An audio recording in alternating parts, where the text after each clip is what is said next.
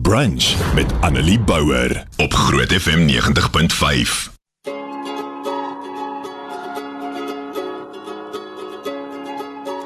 In uh, vandag se spreek lewe gaan ons 'n bietjie gesels oor uh, geseend is die vredemakers. Wat ek eerlik vir jou moet wees en eerlik vir jou moet sê vandag uh vir my op hierdie stadium 'n baie moeilike konsep is. Jy weet as mense deur moeilike tye gaan, die jaar wat ons deur is, dinge wat gebeur het in die jaar, dan is dit partykeer moeilik om op 'n punt te kom en te sê ek is 'n vredemaker en ek gaan hierdie in vrede en in liefde hanteer en met respek en ek gaan 'n situasie nie omsit in woede of kwaad nie. Nou as jy my ken, dan uh, sal jy weet ek het 'n kleintjie dood. So ek deel eintlik nou iets baie persoonliks vandag met jou, maar ek het 'n kleintjie dood aan gelowiges wat sê hulle is gelowiges, wat met die Bybel onder die arm loop, wat Bybelversies aanhaal en dan ander mense te nakom.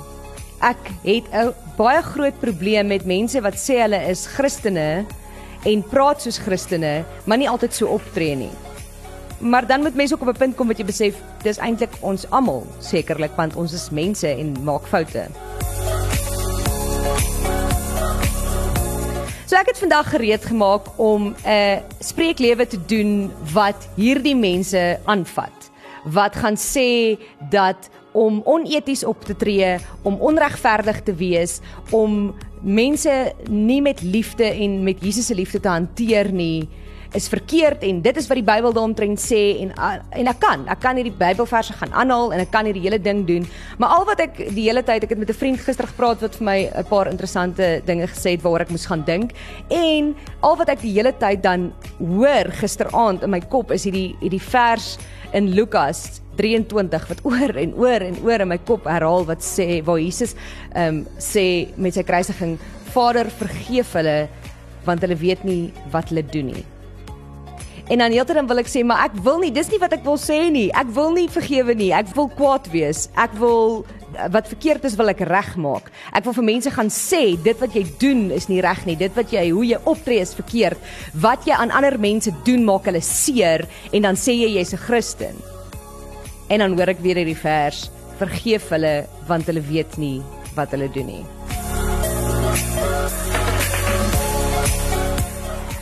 So, miskien moet ek nie vandag my agenda probeer aanblaas nie, maar dit wat Jesus en God vir ons almal wil hê en vir my probeer sê. As jy gaan kyk na die bergrede in Matteus en dit is ook in Lukas, maar as jy in Matteus 5 gaan kyk 5 tot 7, dan uh, sê Jesus ook geseënd is die vredemakers want hulle sal kinders van God genoem word. Maar ek dink vir my is dit een van die moeilikste dinge En ons het al gepraat oor moenie kwaad met kwaad vergeld nie. En ons het al gepraat oor jy moet ter alle tye alle mense, jou vyande en jou vriende en jou naaste met God se liefde en respek hanteer. Maar dit bly iets waarmee ek sukkel. Dit bly iets moeilik, veral as mense oor en oor en oor dieselfde ding doen. Veral as mense ander mense te nakom en jy sien hoe hulle ander mense te nakom en jy kan niks daaromtrent doen nie. En as jy weet daai selfde mense sê hulle is gelowige mense en daai selfde mense sal baie vinnige Bybelvers aanhaal of baie vinnig oor die Here praat.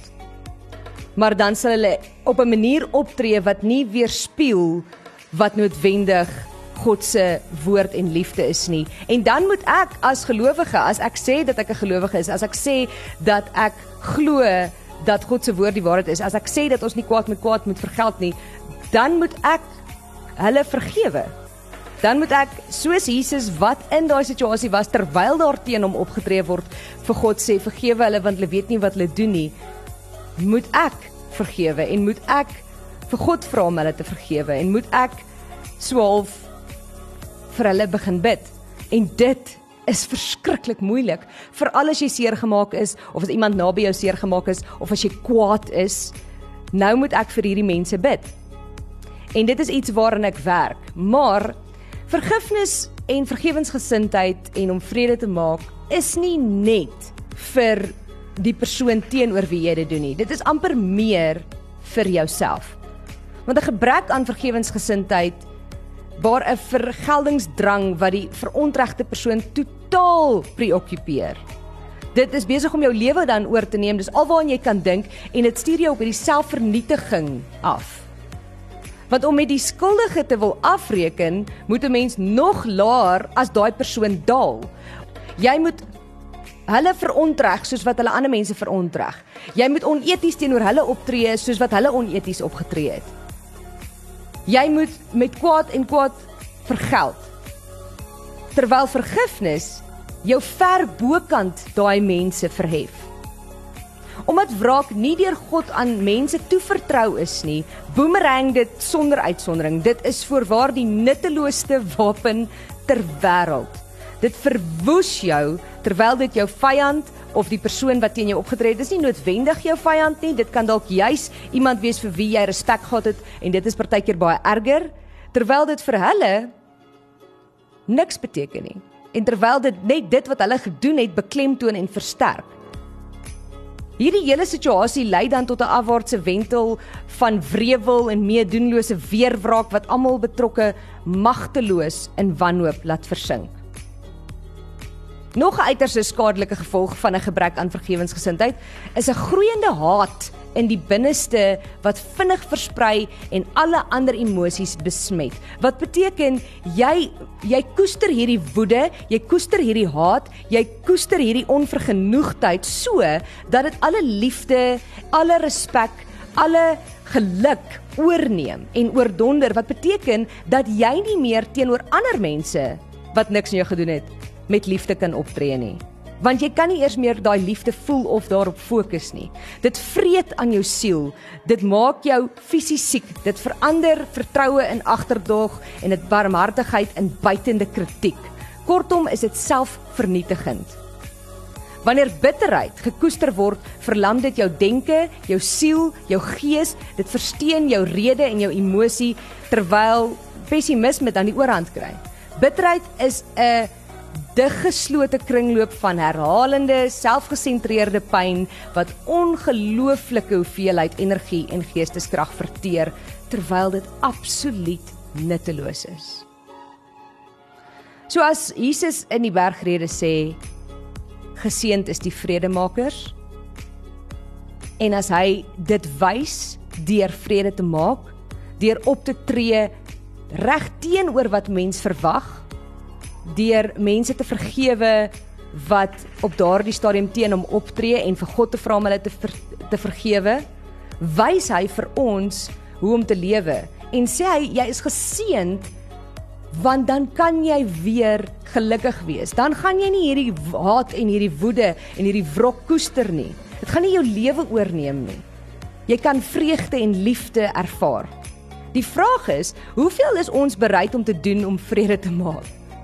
Hoeveel is ek bereid om prys te gee? Want dis gewoonlik die vraag. Wat gaan dit van my vat? Want dit vat baie.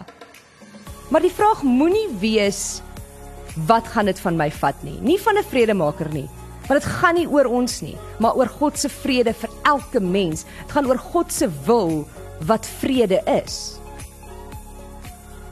So mag jy saam met my want ek stap in hierdie pad en ek probeer dit regkry. En glo my ek doen nie. Dit is nie maklik om te vergewe nie. Dit is nie maklik om nie teenoor mense op te tree veral as jy dink jy's reg nie. En veral as jy weet hulle is verkeerd nie. Maar mag jy saam met my hierdie pad stap en vir die Here vra om jou te help om 'n vredemaker te wees om jou te help om te bid vir die mense wat teen jou optree om regtig hulle te vergewe sodat jy geseënd kan wees en sodat jy 'n geseënde en gelukkige lewe kan hê Annelie Bouwer. Weekoggend tussen 9 en 12 op Groot FM 90.5.